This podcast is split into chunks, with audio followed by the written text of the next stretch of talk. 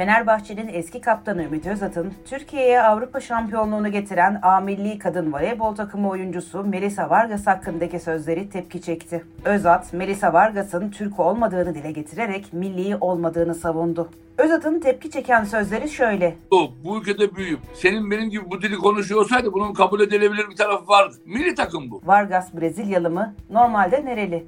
Kübalı. Küba milli takımında oynayacak potansiyeli varsa voleybolu çok bilmiyorum. Sence gelip burada oynar mı? Bu mu abi sizin bayrak, millet, vatan duygunuz bu mu? Ben bunu kabul etmiyorum kardeşim. Artık o kapitalist sistemde başarılı olmak için herkesi katıyorlar ya. Milli takım olgusu başka bir şey.